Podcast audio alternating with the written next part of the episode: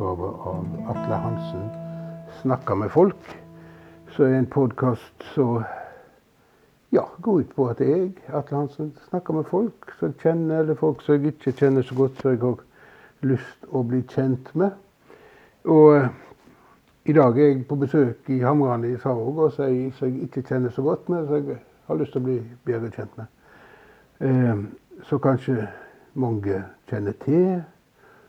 Hun heter Gro Dregeli, og hun har markert seg sterkt eh, med sitt engasjement for eh, flyktningungdommer, eller asylsøkere, unge asylsøkere på Stord og internasjonalt. Ja, for hun har reist altså og besøkt disse ungdommene rundt i hele Europa nesten. Men det skal hun få fortelle om sjøl. Eh, jeg ble først oppmerksom på Gro Dregelet sitt arbeid når denne leiren på Litlabø på Stord ble omgjort til flyktningmottak for unge asylsøkere for noen år siden. Men ditt engasjement det begynner før dette. En god stund før dette. Kan du fortelle om det? Ja, altså Første gangen som jeg fikk på en måte et oppdrag gjennom eh, det offentlige. Eh, det var når det ble eh, oppretta et asylmottak på, i Sagvåg i 2009. For det året kom det òg veldig mange enslige mindreårige til Norge. Så da ble jeg engasjert gjennom Fylkesmannen til å være sånn hjelpeverge. Så jeg var hjelpeverge for en del jenter i Sagvåg. Eh, og så eh, jobba jeg litt frivillig, for det var ikke så mye aktivitet for jentene. Det var mest guttene som var der, som hadde fotball og ja, fant ting å gjøre. Mens jentene blei på en måte litt eh, Det var litt lite aktivitet. Så da hadde vi sånn jentekvelder her hjemme hos oss annenhver uke. Da ble jeg veldig godt kjent med jentene. Og så var det en brann på Sagvåg mottak en sommer. Kanskje bare i 2010, jeg er ikke helt sikker. Eh, sånn at mange rom ble ødelagte av brann. De kunne ikke bo, bo, der. Så da bodde jentene her. Og det var akkurat mens det var, jeg var fotball-VM eller noe sånt. Eh, og så var fjernsynet ødelagt, så guttene fikk ikke sett på fotball. Og dermed så kom de også hit. Så i ei uke så hadde vi eh, fullt mottak eh, her. Hvor mange var det som her? Nei, jeg, jeg, husker ikke. Det var mange. Det var opptatt uh, i alle senger og alle sitteplasser på dagtid. Så da drev du privatmottak? Ja, da, men det var utrolig kjekk uke. Hvor kom de fra? disse? Nei, alle, alle, mulige steder i verden. Eritrea, Afghanistan. Ja det var mest Eritrea og Afghanistan. Ja. Så da blei jeg jo på en måte veldig godt kjent med dem. Og eh, jeg husker det der som en veldig positiv uke. Der vi, vi kokte jo utrolig med mat og olstra på. Det var veldig, veldig kjekt. Mm. Det var på sommerstid, og så vi var ute og inne. Og, ja. så, så, det var da på en måte jeg begynte som uh, som verge, da, eller som det seinere ble kalt representant. Ja, Så det var deres stemme inn mot eh, systemet? Altså, da var oppdraget fra Fylkesmannen at du skulle hjelpe asylsøkerbarna gjennom den prosessen som det er å søke asyl. Ja. Uh, og da, i og med at jeg hadde de uh, De bodde her hjemme, og vi hadde masse aktivitet, så ble jeg jo òg veldig godt kjent. Så, så, mange av de har jo fortsatt mye kontakt med, og noen av de er blitt mine nærmeste. Ja, Og de bor i Norge? Ja, ja. De, som, de, som, bor i Norge. Men vi har òg veldig god kontakt med, med, en som ble deportert tilbake til Afghanistan. For det skjedde også i 2009. Selv om det da var mye enklere å få opphold. Uh, og vi så ikke Altså vi som var verger, så nok lite på muligheten for at de ikke skulle bli. Vi regna med at de fikk bli. Så når han måtte reise, så gjorde det et veldig sterkt inntrykk, og jeg holdt kontakten med han. Og så kom han tilbake igjen til Europa i 2015. Til Frankrike, og har fått opphold der. Nettopp. Så jeg har vært og besøkt han eh, flere ganger. Og denne sommeren her er første året han har lov til å komme tilbake igjen på besøk i Norge. Akkurat. Mm. Men, men du fortalte meg eh, før, før vi begynte på dette opptaket, at det, det var Utøya og som virkelig sette i gang engasjementet ditt. Ja, ikke akkurat Utøya, men altså Det er noen sånne erfaringer du gjør i løpet av livet. Som gjør at du får liksom en større forståelse. Eh, og det med Da når terroren kom til Norge, så var en av de eh, som jeg hadde mye omsorg for, som var på Sagvåg mottak, han var på Utøya. Eh, og jeg visste han var der, så jeg var en av de som ringte og ringte og ringte på, på, i løpet av den dagen som dramaet på Utøya foregikk. Eh, for jeg fikk ikke tak i han. Og jeg forsto jo ikke rekkevidden av det som skjedde, og hvor farlig det var at jeg hadde ringt, og i det hele tatt. Men eh, jeg fikk da beskjed seint på kvelden. Da var han innlagt på sjukehus. Og eh, eh, var ikke dødelig skadd. Men Du var ikke i Norge, du da? jeg var i Spania på ferie. Men da reiste vi tilbake igjen til eh, Norge, da, og eh, til Oslo. Og fikk eh, han på en måte inn i systemet og hjelpeapparatet som, eh, som var der. Fordi han visste ikke eh, Altså, han visste ikke om at det var et system. Han var på en måte litt utenfor, både pga. at han ikke kjente samfunnet så godt. Eh, ikke kunne språket så godt som, som de andre. Og kom fra en kultur som, som Altså hvis du opplevde noe traumatisk, så var regelen at du skulle ikke tenke på det. Da blei det borte. Eh, han var eh, fra Afghanistan. Og jeg veit ikke om det fins psykologer i Afghanistan. Ja. Eh, kanskje nå. De ville iallfall ha nok å gjøre. De ville hatt mye å gjøre. Så vi fikk liksom han inn i et system der, ved hjelp av hele familien var engasjert. Eh, og så var jeg på eh, Altså, jeg kom veldig tett på drama. Var denne gutten asylsøker? Ja. Ja. Og Men bodde, han hadde- bodde på Stord? Han bodde på Stord og hadde flytta til Oslo en par måneder før. Akkurat. Ja. Eh, Så jeg var med på en måte Jeg var midt oppi noe som var veldig dramatisk for hele landet. Ja. Eh, Og jeg var, på, var med han på pårørende, møtte de andre pårørende. Eh, Som eh, staten inviterte alle pårørende og etterlatte på ei, ei helg på hotell i Oslo. Vi var ute på Utøya tror jeg tre uker etterpå. Eh, Sånn at det var det var stor, stort drama og veldig vanskelig. Hvordan var det å stå oppi noe sånt? Det var helt forferdelig. Du var liksom litt utenfor deg sjøl. Eh, og samtidig så, så var det jo Altså, alle var eh, Altså, alle var veldig eh, omsorgsfulle. Og beskjeden fra myndighetene var jo at vi skulle møte terroren med kjærlighet. Og eh, det var mye sånn masse følelser i sving. Og vi, det var roseseremoni, og det var eh, Det var masse, masse følelser.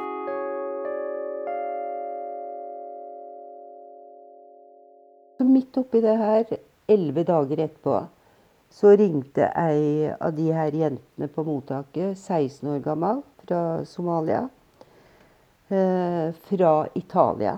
Da hadde hun blitt henta av politiet tidlig på morgenen, tror jeg var i sekstiden, på mottaket og eh, brakt til, deportert til Italia fordi hun var sånn Dublin.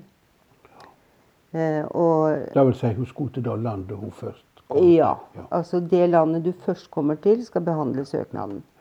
Men på den tida, og også nå, så var jo Italia i en eh, De var ikke i stand til å håndtere alle de problemene som, eh, som de hadde med flyktninger. Eh, og det visste Norge, og det visste vi som jobba blant flyktninger. Eh, og det hun fortalte da, det var at hun var brakt av politiet til Roma, til flyplassen der. Eh, politiet fulgte henne, så de møtte italiensk politi, der hun ble på en måte overlevert. Men med det samme norsk politi forsvant, så fikk hun beskjed fra, fra italiensk politi at hun måtte bare forsvinne. Altså, de hadde ikke noe tilbud til henne. Så hun sto der uten penger, ingenting. Eh, de betalte en, eh, en togbillett på to-tre stasjoner. og kom ikke inn til Roma sentrum fra flyplassen engang. Eh, sånn at alt var ja, Hun var helt hysterisk. Ble overlatt til seg Hun ble overlatt til seg sjøl. 16 år gammel jente. Ja. Og det her var jo samtidig som kjærligheten lå liksom som et teppe over hele Norge. Ja. Eh, så for meg så var det en ekstrem situasjon, egentlig å oppleve. Og hva gjorde du da? Nei, altså Da var jo jeg så opptatt med han som, som trengte så mye omsorg. Eh, som hadde vært på Utøya. Eh, men to måneder etterpå så reiste jeg ned til Italia. Eh, til henne, i Firenze. Eh, og der var hun sammen med andre i lignende situasjon. Jeg kan tenke meg det var kanskje 30 papirløse eh, flyktninger fra Somalia. Eh, som tok vare på hverandre. Eh, og jeg var der ei uke sammen med dem, og da skjønte jeg på en måte hva det var å være flyktning. Da hadde de hus å bo i? Hadde de mat? Jobb? Nei, altså Da jeg skulle møte dem på en adresse så når jeg kom med flyet, så, så tok jeg en taxi til den adressen. Så sa han taxisjåføren at han kunne ikke kjøre meg inn der. For det var et utrygt område. Men så fikk jeg snakka Altså, jeg hadde jo ikke noen annen referanse. Det var der jeg skulle møte dem. Så jeg fikk liksom overtalt den til å kjøre meg inn der. Eh, og det var i et sånn kondemnert hus som var hadde rast litt fra hverandre, et sånt steinhus rett ved en kirkegård. Det var ganske skummelt, egentlig. Eh, og drosjesjåføren var veldig skeptisk, for det var ikke noe lys eller, eller noe sånt der. Men så ser jeg hele den flokken eh, med flyktninger som står og venter sammen med Seinab, da. Så da, da møtte jeg henne der. og blei tatt utrolig godt imot. Eh, med bare velvilje, for de skjønte jo på en måte at jeg ville hennes beste, og dermed så, så var ikke de noe eh, Altså, de var veldig vennlige mot meg. Eh, ja, Men var du ikke redd? Jo, jo, den første kvelden var jeg redd. Helt tida så liksom og ble møtt av dem med masse smil. og de hadde pynta seg. Seinab hadde pynta seg noe veldig. Og, men da var jeg litt sånn eh, Kanskje mest fordi at han drosjesjåføren var så skeptisk. Ja. Eh, men jeg var inne der, og de hadde jo ikke vann og strøm, men de hadde satt stearinlys opp da, inni huset. Det var jo på, på kvelden. Eh, og så, ja, så der bodde det kanskje 30 stykker på inne i det huset. Kaldt var det, og dette var i oktober. Det var i høstferien. Eh, så noen bodde der, noen bodde på gata. Eh, de spiste i ei kirke eh, som, som hadde åpent for matservering. Så, men jeg opplevde jo da i løpet av den uka altså da bodde du i dette huset? Nei, jeg bodde ikke i det huset. Nei, jeg bodde på hotell. Men jeg var sammen med de hele dagen. Og det var veldig spesielt, for jeg opplevde at uh, jeg som på en måte kunne reise rundt i verden med Ja, som norsk og være stolt av det og bli behandla fint alle steder, det blei jeg ikke der når jeg var sammen med de. Altså, jeg følte på en måte at jeg blei litt sett ned på. Opplevde at når vi var inne på en butikk, så fikk eh, jeg husker vi Segnam skulle kjøpe nye sko, eller jeg skulle kjøpe sko til òg. Og så fant vi ikke størrelsen. Det var ingen som kom tilby seg å, å hjelpe. Eh, så spurte jeg hun ene som sto der, som jobba der, om hun kunne hjelpe oss å finne rett størrelse. Og da sa hun nei. Og jeg har aldri opplevd maken. Eh, og jeg så Altså, vi hang jo mest inne på McDonald's og sånne plasser. Og det var veldig rart, fordi at uh, de hadde alltid sånn utkikksposter etter politi. Og når de så politi, så var, det, var de forsvunnet på 1, 2, 3. og så når politiet hadde gått videre, så var de liksom rundt meg igjen. jeg opplevde på en måte sånn veldig at de, var, de sto helt utenfor eh, samfunnet. Og de hadde jo unger som ikke gikk på skolen.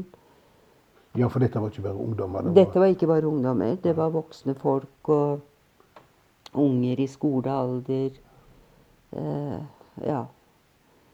Så, men så, i løpet av den uka, så hadde hun bursdag. Hun blei 17 år da i oktober. Eh, og så ville jeg invitere alle med på at vi skulle gå på fin restaurant og feire. Og det ville de ikke. For de følte seg ikke komfortable med måten de var kledd på og sånt. Men så fant vi på da at vi skulle ha et sånt felles prosjekt. Så vi fikk lånt en leilighet, og jeg handla inn mat, og så kokte de. Hele uka ble det kokt. Og eh, masse aktivitet. Det var pynta noe så voldsomt inni den leiligheten. Eh, og når, når, dagen kom og bursdagen var, så var det, det var bare glede og feiring og masse god mat og Ja. Og det var sikkert 50 stykker i den leiligheten. Så, så når vi hadde liksom et felles prosjekt, som var på en måte noe positivt som vi gjorde sammen, så kom vi veldig nær. Ja. Men ja. dette er ti år siden. Ja. Hvordan går det med denne jenta nå? Nei, altså Hun reiste Hun kom ulovlig tilbake til Norge uh, utpå vinteren. Uh, fordi at hun hadde en kjæreste i Norge. Så gifta hun seg med han. Eh, i Norge. Han var norsk. Eh, og blei gravid og fikk barn. Eh, men levde hele tida altså uten papirer ja. her. Hun fikk hjelp under svangerskap, hun fikk føde på sykehus, men hun hadde jo ingen rettigheter til skole eller noen ting. Men ungene hennes er jo da norske, i og med at faren er norsk. Og så har de henta henne med jevne mellomrom. Deportert henne tilbake igjen til Italia. Eh, mens hun amma, har de henta henne og kjørt henne tilbake. Hun tar bussen hjem igjen. Jeg veit ikke hvor mange ganger hun har tatt seg tilbake igjen til Norge for å være sammen med familien sin. Men nå for to-tre år siden så ga dem på en måte opp Norge og bor nå i Sverige. Ja. Og det har hun fått oppholdstillatelse? Nei. Samme? Så vidt jeg, nå har jeg ikke snakket med henne på en stund, fordi at uh, hun har jo ikke hatt noe skolegang Nei. siden hun kom hit som 14-15-åring. Uh, eh, og det språket som hun kunne i Norge, det har hun mista litt. Ja. Uh, og hun har heller ikke hatt noe rett på svensk undervisning. Og så viste det seg at hun, mens hun var her, så hadde hun veldig dårlig helse. Hadde veldig eh, masse hodepine. Og så viste det seg at hun hadde sånn vannhode. Så her for kanskje to-tre år siden så, så blei hun dramatisk sjuk. Eh, og da ble det oppdaga at hun hadde så stort trykk på hodet, og det var bare så vidt hun overlevde. Så, men hun ble operert og fikk satt inn dren, da. Ja. Men det må jo kreve en voldsom styrke. Det må jo være en veldig sterk jente. Så kan gjøre sånn. Enormt sterk jente. Og de som, de som lever sånn, altså, de har en styrke som jeg syns er ufattelig. Ja, det er det jeg tenker. Det må jo være de må jo ha enorme ressurser, disse Ja. å komme seg vekk og ifra de samfunnene og ut og klare å overleve. Mm. Og så måten de tar vare på hverandre. Ja. Eh, sånn som Seina var jo veldig mye sjuk også når hun var i Italia. Det var dager som hun ikke kunne gå i kirka og hente mat. Eh, og da henta de mat for henne. Jeg opplevde enormt mye omsorg fra, fra de som, som egentlig ikke hadde noen ting. Ja. Eh, også mot meg. Ja. Sånn som han som var på Utøya, var jo også med i, i tingretten. Som ledsager eh, når han vitna. Det Ja. jo var en veldig spesiell opplevelse. Å sitte to-tre meter fra terroristen. Ja. Eh, og det som, som slo meg, det var jo hvor på en måte opplært vi var til at vi skulle møte dette her eh, Den terroren med, med kjærlighet. Ja. Og høflighet. Vi oppførte oss så høflig og fint at det var helt sjukt. Men det var ikke så lett når du så mannen sjøl. Nei, det Men jeg òg var veldig høflig. Jeg, altså, jeg som har vært lærer i så mange år, jeg kan jo holde fast en sjuende klasse med blikket. Eh, og få dem til å være stille når de skal. Eh, og jeg kunne ha uttrykt noe overfor han som satt og stirra på meg så mye. For han, han skjønte jo ikke hvorfor det kom inn en ung afghaner med ei norsk dame i rettssalen. Men ingen sa noe. Eh, og ingen Altså, eh, Oslo tingrett var full av folk som hadde mista ungene sine, sett ungene blitt lemlesta og traumatiserte. Allikevel så satt vi alle like høflige og hørte på det som eh, utspilte seg der, som var helt eh, makabert, rett og slett. Hva tenker du om den mannen som Nei, altså han, han er på en måte blitt en sånn ikke-person, da. Og jeg tror jo at eh, vi skulle ha letta litt på raseriet. Eh, jeg syns at det var Det blei for mye det at vi skulle møte hatet med kjærlighet. Mens det naturlige var jo å bli rasende. Ja. Jeg var jo rasende. Men du hadde ikke lov til på en måte å uttrykke noe raseri, fordi at vi vi skulle møte dette her med en helt annen holdning. Og det tror ikke jeg var noe sunt. For de som eh, opplevde det på Utøya direkte, så tror jeg at vi gjorde med en bjørnetjeneste med å legge lokk på en naturlig følelse som var raseri. Jeg var jo litt sammen med noen av de han hadde vært sammen med på Utøya sommeren etter. For da hadde vi en sånn rundtur, han og jeg, så vi besøkte noen av de som han hadde flykta fra terroristen sammen med. Og som egentlig redda livet hans. Eh, og jeg følte òg da altså at de, de hadde lagt lokk på alt som hadde med, med raseri å gjøre. Og jeg tror det hadde vært sunt for alle. Å kunne vært litt eh, rasende og til og med hata litt. Men de nevnte han ikke med navn. Altså, de, de, eh, de skulle ikke tenke på han i det hele tatt. Samme strategien som altså denne gutten hadde med seg hjemmefra. At du skal Ja. ikke tenke på det Ja, ja. Men, men det, det må jo ha vakt et slags varig raseri i deg, iallfall. Jeg har jo vært rasende ganske lenge. Ja. Ja.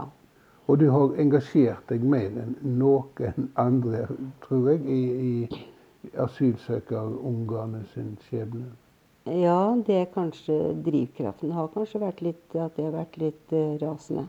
Ja. Illsint Ja. til tider. ja. Fordi at jeg syns det har vært veldig mye urettferdighet. Eh, og spesielt nå etter 2015, når de her eh, ungdommene kom til Litlabø. Så ble, og da fikk jeg et nytt spørsmål fra fylkesmannen om å være Da ble det kalt representant. Der oppdraget var da også øh, jobbe til barnets beste. Altså de som var representanter, skulle følge asylprosessen. Vi var med på intervju med UDI, og vi skulle følge opp sammen med advokaten eh, asylprosessen og jobbe til barnets beste. Og det var et helt, umulig oppdrag. Fordi at eh, myndighetene eh, Altså, politikken var jo ikke til barnets beste. Og dermed ble vårt oppdrag egentlig helt umulig. Ja, For politikken den motarbeider ungene. Ja. Ja. Altså når asylforliket kom i 2017, eh, der eh, Arbeiderpartiet ble enig med regjeringen eh, om å ta vekk det som, som ble kalt rimelighetsvilkåret, der barn skulle ha en spesiell rett en spesiell beskyttelse eh, i forhold til internflukt. Det, I det forliket så ble det tatt vekk. Og etter det så ble det helt umulig. Sånn at um, veldig mange da um, blei henvist til internflukt i Afghanistan. For det var mest afghanere på Litlabø. Afghanske gutter. De kom når de var 14-15 år gamle. Eh, og det første året var jo bare Altså, det var jo et helt unikt år.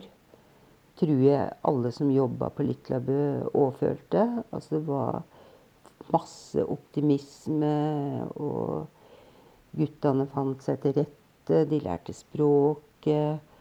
Eh, De var med på, på masse aktiviteter, og storsamfunnet sto jo bare helt åpne til å ta imot dem.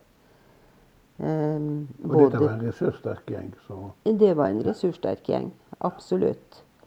Eh, ressurser som kanskje ikke Altså, de kunne jo Mange av dem hadde jo ikke gått på skole. Men de hadde masse pågangsmot og, og eh, vilje til å lære. Og ja, de begynte på skolen, og eh, det var, det var veldig mye Det var et veldig kjekt år det første året.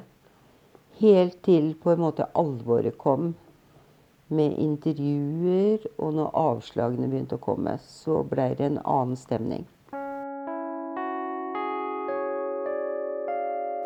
Altså de som var på Stord, og de som var i distriktet, de var jo et offer for at det intervjuet, som da var det viktigste oppdraget du hadde i Norge, å fortelle hvorfor du kom hit, og hvorfor du trengte beskyttelse, det ble gjort over Skype. Så de som var på Litlabø, de møtte aldri noen representanter fra UDI. Så vi fikk ikke snakka med folk Nei. egentlig? altså møte dem. Altså, vi satt, eh, de satt sammen med representanten sin inne på et lite rom på Litlabø foran en skjerm i seks-sju timer. Og på den tida så skulle de da fortelle om det vanskeligste Altså de mest traumatiske, vanskelige opplevelsene. Eh, og det er jo ikke lett for en ungdom eh, å fortelle om eh, sånne ting. Veldig private eh, ting er en skjerm. til en skjerm. Ja. Eh, og du hadde på en måte Altså, det var ett opptak. Det var ikke sånn du Du kan klippe meg, vekk meg litt hvis at jeg gjør noe feil her. Men sånn er ikke et, et UDI-intervju. Du har én sjanse, eh, og hvis du ikke eh, tar den, så har du i realiteten ikke noen flere sjanser. Altså det er jo ei klagenemnd som, som heter UNE, som der du kan få komme eh, fysisk til Oslo og fortelle i ei nemnd om saken din. Men det var nesten ingen Altså jeg var én gang i, i nemnda, i UNE-nemnda. Men det var jo nesten ingen som fikk den muligheten. Hvor mange var det som ble utvist? for seg? Nei, vet du, jeg har ikke telt. Nei. Men det var veldig, veldig mange. Det var ikke mange som fikk bli her. Nei. Det var ikke mange som fikk bli. Og hva Det gjorde var, det var jo noen da som fikk en ny mulighet med eh, det her oktoberbarn-vedtaket. Men ikke så mange som det burde ha vært. Fordi at når regjeringen fikk Altså etter stortingsflertallet Når eh, Sylvi Listhaug fikk eh, som, som var da minister da, fikk håndtert og laga retningslinjer rundt det vedtaket, så tr tror jeg ikke det blei sånn som Stortinget egentlig hadde bestemt. Nei, for hun skrudde da litt ekstra Hun til. skrudde det ekstra til, og det blei lagt så mange snubletråder. For eksempel så var det sånn at eh, eh, Altså det var tre kriterier de skulle fylle. Eh, det ene kriteriet det var at eh, de måtte ha fått eh, internflukt i siste vedtak.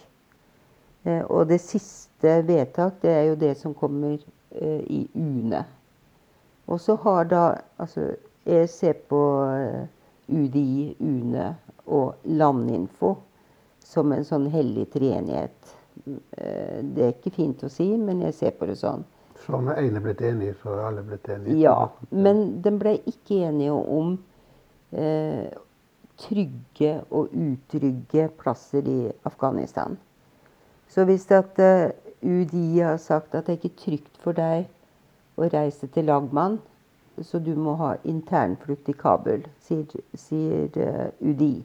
Som er det første vedtaket. Så kan du klage til UNE, så sier UNE da Og det, det er jo staten, det òg. Det er den norske staten, det òg. Så sier de at eh, jo, lagmannen er trygt. Du kan trygt reise hjem. Ja. Og dermed så De som har fått da rett, eh, internflukt i UDI, men ikke i UNE, de hadde ikke lov til å søke på nytt igjen. Nei, nettopp. Nei. Men hva gjorde de da, når de ikke, ikke fikk bo i Norge og ikke ville hjem? De kunne ikke hjem. Nei. Eh, De reiste ut i Europa i hopetall. Ja. Uh, Og nå er det jo gått to-tre år. Uh, Og det som jeg ser nå, er at de som har reist til Europa, rundt til Frankrike, Tyskland, Spania, de har jo fått opphold der. ja. Ja. Så nå er det eh, Altså de aller fleste av de som har reist ut til Europa, de har fått opphold der. Men det har ikke så, gått så bra med alle. Nei, altså eh, De som ble deportert tilbake til Afghanistan, for det jo var mange, de har det utrolig vanskelig. Altså, de har flykta til eh, De fleste har flykta til naboland. Eh, to av de som eh, bodde her, de er i Iran. Eh, og lever altså under helt ekstreme forhold. De har ingen rettigheter. Eh, afghanere blir sett på som en sånn underklasse i Iran. Eh, noen er i Pakistan. Eh, altså for de er livet forferdelig vanskelig. Og noen har prøvd å flykte igjen. Eh, tilbake igjen til Europa. En sitter i en flyktningleir i Serbia under ekstreme forhold. Så, så eh, for de som, som har nå slitt seg gjennom og fått et opphold i Europa, de vil jeg si har det greit. Men ikke alle overlevde. en gang. Nei.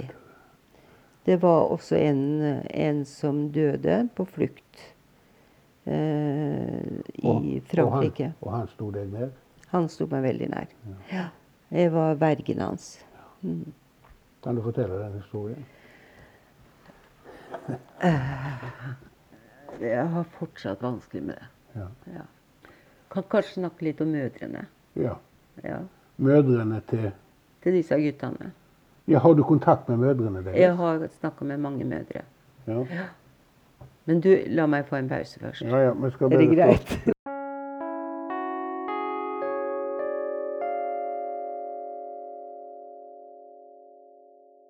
Det har jo vært liksom sagt at uh, de her guttene blir sendt ut for på en måte å være et slags sånn anker der det skal komme en økonomisk gevinst til familien. Uh, og jeg har jo òg sittet i eh, retten og hørt eh, eh, dommeren vi, vi hadde en Altså, vi har jo stevna UNE to ganger. Tapt begge gangene. Og den ene gangen så var det da en, en som hadde fått feil alder i den alderstesten det gjaldt. Eh, sånn at det var alder det var snakk om. Eh, og under utspørringa av eh, UDI så stilte dommeren det her spørsmålet. Og det er sånn ordrett, for jeg skrev det opp med en gang jeg hørte det. Jeg satt jo i, i retten og hadde vitna. Og da, da sa han at eh, er det ikke sånn at eh, afghanske familier sender den ungen med det barnsligste trynet til Europa? Og når du sammenligner en uh, ung muslimsk gutt med et griseansikt, så er det veldig grovt. Ja, det er grovt. Og det sier noe om på en måte en holdning uh, du har, uh, som du ikke bør ha i en rett som skal på en måte være Og det er jo en ren fornærmelse. Det er en ren fornærmelse. Jeg sendte jo selvfølgelig klage til Dommerforeningen. Jeg har jo brukt eh, veldig mye tid på å klage på alt mulig. Gå den rette veien. Sivilombudsmann altså Jeg veit ikke hvor mange jeg har hatt kontakt med. Eh, og prøvde å nå politikere med informasjon. Eh, og til å begynne med så trodde jeg jo i min naivitet at det ville hjelpe på en måte å si fra. Men, men eh, nå er jo skjønner jo at det, hjelper jo ikke. Du møtte bare en mur? og- Ja. ja. Møter eh. Nei, så jeg klagde på han dommeren til Dommerforeningen. Men da fikk jeg ikke medhold, fordi at eh, anklagene var ikke retta mot meg. Så han som nå er i Iran som eh, papirløs flyktning der, han kunne ha klagd. Ja. Men han var jo deportert eh, og vitna i saken fra Kabul. Så, så eh, det sier noe om holdningene som er eh, ja, veldig skremmende. Men så fikk du kontakt med mødrene deres? Hvordan Ja. Nei, altså mødrene har jeg Når guttene har ringt hjem, så har jeg fått snakke litt med mødrene som når de har vært tolk. Og, og mødrene i Afghanistan de spør om akkurat det samme som jeg hadde gjort. Eh, hvis jeg hadde sendt eh, ungen min eh, Måtte sende ungen min fra meg. Om de oppfører seg fint, om de følger alle reglene, om de hjelper meg, de som har bodd der. Eh, om, om, ja, om de er snille gutter, om de gjør, eh, går på skolen og sånne ting. Så jeg, jeg føler en veldig sånn solidaritet, for vi er så like. Så, så um, Men jeg må, jeg må spørre deg, altså det, det er sterkt å høre på, og jeg vet du har eh, sterke fortellinger at du ikke klarer å fortelle dem. Og så tenker jeg, hvem er dette mennesket Grod Regeli fra Krøderen? Etter det jeg vet, så, så har eh, dette engasjementet Er det bare medmenneskelighet? Er det politisk fundert? Eller hvor kommer engasjementet ditt? jeg.